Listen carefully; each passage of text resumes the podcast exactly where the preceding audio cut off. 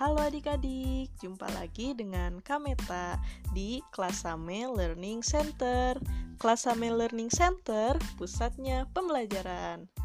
Nah, adik-adik, pada pembelajaran kali ini kita akan membahas mengenai mengolah bahan dasar pakaian.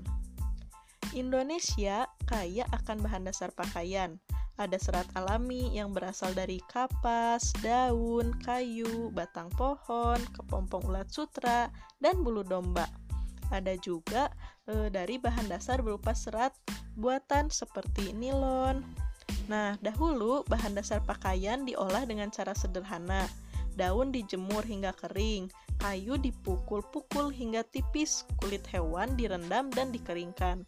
Nah, semua itu diolah menjadi pakaian. Saat ini, bahan dasar pakaian diolah dengan cara modern. Bahan dasar diolah menjadi serat. Serat kemudian dipintal menjadi benang. Lalu, benang ditenun menjadi kain.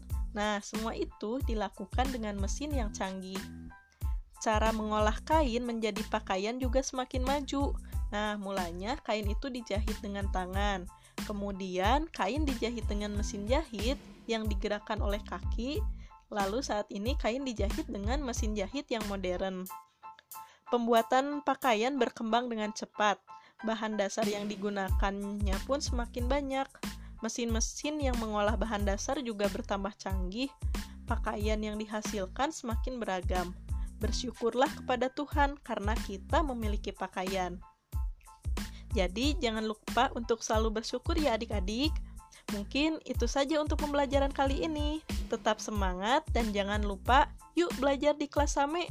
Kelas Same Learning Center, pusatnya pembelajaran. Dadah adik-adik, sampai jumpa lagi di podcast selanjutnya.